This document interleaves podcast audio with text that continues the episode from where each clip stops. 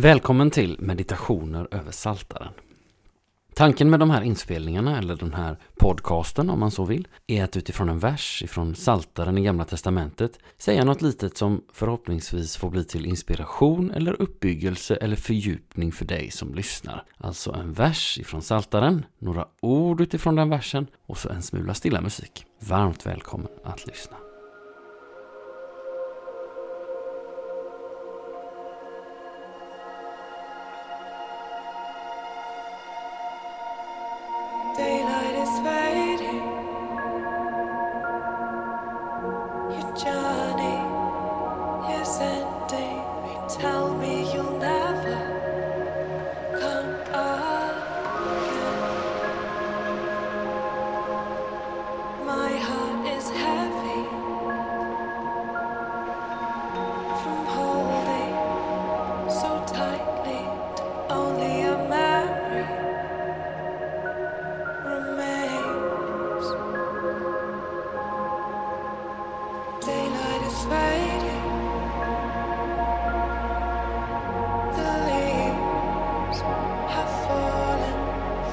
So cold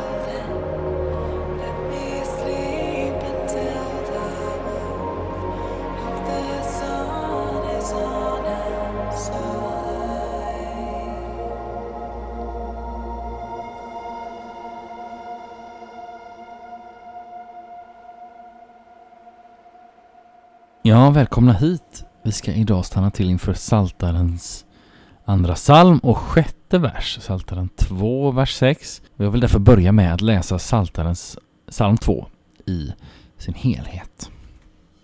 Varför är folken i uppror?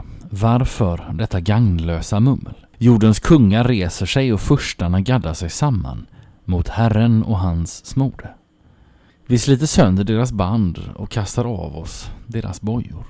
Han som tronar i himlen ler, Herren ser på dem med löje.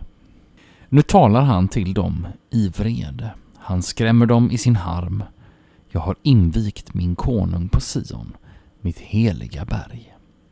Jag vill berätta vad Herren bestämt. Han sade till mig, du är min son, jag har fött dig idag. Be mig, så ger jag dig folken som arv och hela jorden som egendom. Du ska krossa dem med en spira av järn, slå sönder dem som lerkärl. Konungar, besinna er, ta varning, ni jordens härskare. Tjäna Herren i fruktan, hylla honom i bävan. Annars vredgas han och ni går under, ty hans vrede kan lätt blossa upp. Lyckliga de som flyr till honom. Och dagens vers, Psaltaren 2, vers 6, lyder så här. Jag har invigt min konung på Sion, mitt heliga berg. Mitt i det kaos och uppror som vi har fått höra om hittills i denna psalm så är Gud inte overksam. Vi har i tidigare verser fått höra om att Gud reagerar, vers 4, och också talar, vers 5. I dagens vers får vi höra om att Gud också agerar och Gud avslöjar själv vad det är han har gjort. Jag har invigt min konung på Sion, mitt heliga berg. Det är fullt tänkbart att denna vers beskriver flera olika händelser. Vi har tidigare stannat till inför att det är kung David som skrivit denna psalm. Det får vi reda på i Apostlagärningarna 4, vers 25. Och den konung som Herren talar om kan mycket väl vara David själv. Processen för David att bli kung sker i flera steg. Han blir smord till kung av Samuel vid ett tillfälle, Första Samuelsboken 16. Han blir kung över Juda vid ett senare tillfälle, Andra Samuelsboken kapitel 2. Och sedan kung över hela Israel vid ytterligare ett senare tillfälle, Andra Samuelsboken kapitel 5. Vi läser om David i Andra Samuelsboken 5, verserna 4-5, att han var 30 år då han blev kung och han regerade i 40 år, 7 år och 6 månader i Hebron över Juda och 33 år i Jerusalem över både Israel och Juda. Det är högst troligt att det som vi läser om i dagens vers, att Gud har invigt sin konung på Sion, sitt heliga berg, syftar på den sista av dessa händelser. Sion, som bland annat är en av Jerusalems kullar, används inte sällan som en beteckning på hela Jerusalem. Att Gud invigt sin konung på Sion syftar troligast på då David blev kung över hela Israel i Jerusalem. Det som vi läser om i Andra Samuelsboken kapitel 5. Att berget kallas heligt har bland annat att göra med att Guds ark finns i templet i Jerusalem på Sion. Men det vi läser i dagens vers hör också samman med något annat. Världshistoriens mest avgörande händelse. Då Gud blev människa, Jesus Kristus. För det var ju på samma plats i Jerusalem som Jesus klev fram som kung. När Pontius Pilatus frågar Jesus om han är judarnas konung svarar Jesus Mitt rike hör inte till denna världen. Om mitt rike hörde till denna världen hade mina följeslagare kämpat för att jag inte skulle bli utlämnad åt judarna. Men nu är mitt rike av ett annat slag. Och det läser vi i Johannes 18, vers 36. Jesus är inte den slags kung som Pontius Pilatus syftar på när han ställer sin fråga till Jesus. Men Jesus är lika fullt kung. Jesus blir krönt med en krans av törne, Johannes 19, vers 2 bland annat. Och ett plakat som sätts upp ovanför honom på korset lyder Jesus från Nasaret, judarnas konung. Johannes 19, vers 19 bland annat. Också på detta oväntade och ologiska sätt inviger Gud sin konung på Sion, sitt heliga berg, genom att låta sin egen son lida och dö, segrar och triumferar han över synd och död och ondska och öppnar en väg för oss människor till gemenskap med honom. Jesus är en på samma gång lidande och segrande konung som har blivit invigd av Gud på Sion, sitt heliga berg. Denna kungavärdighet, att få härska och styra och döma, vill Jesus få utöva också i våra liv och i ditt och mitt hjärta. Bibeln talar om vårt hjärta som ett stenhjärta. I Hesekiel 11, vers 19 och 36, vers 26. Också på det berget vill Gud inviga sin konung, Jesus Kristus. Han vill arbeta på och förvandla det så att han alltmer blir dess konung och Herre. Vi ber. Jag tackar dig min kära himmelske Fader för att du i Jesus Kristus har invigt en konung över hela tillvaron och världen. Idag ber jag dig, kom också och regera allt mer över mitt hjärta och över allt det som är jag. Kom och förvandla mitt hjärta så att jag allt tydligare ser att du är alltings Herre och Konung. Amen.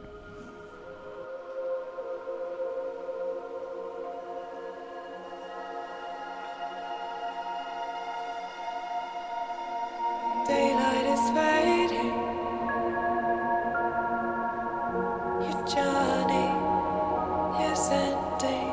Tell me.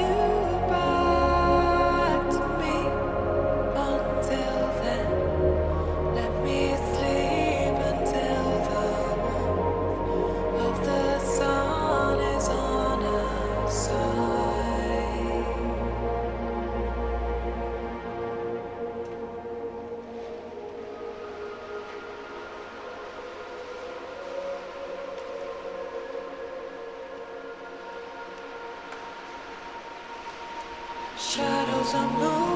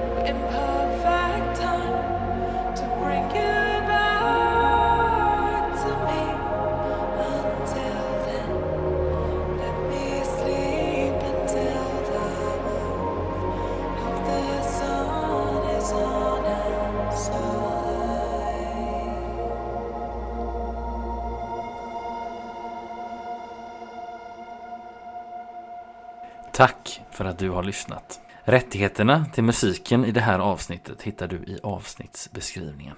Tills vi hörs igen önskar jag dig allt gott och Guds rika välsignelse. Hejdå!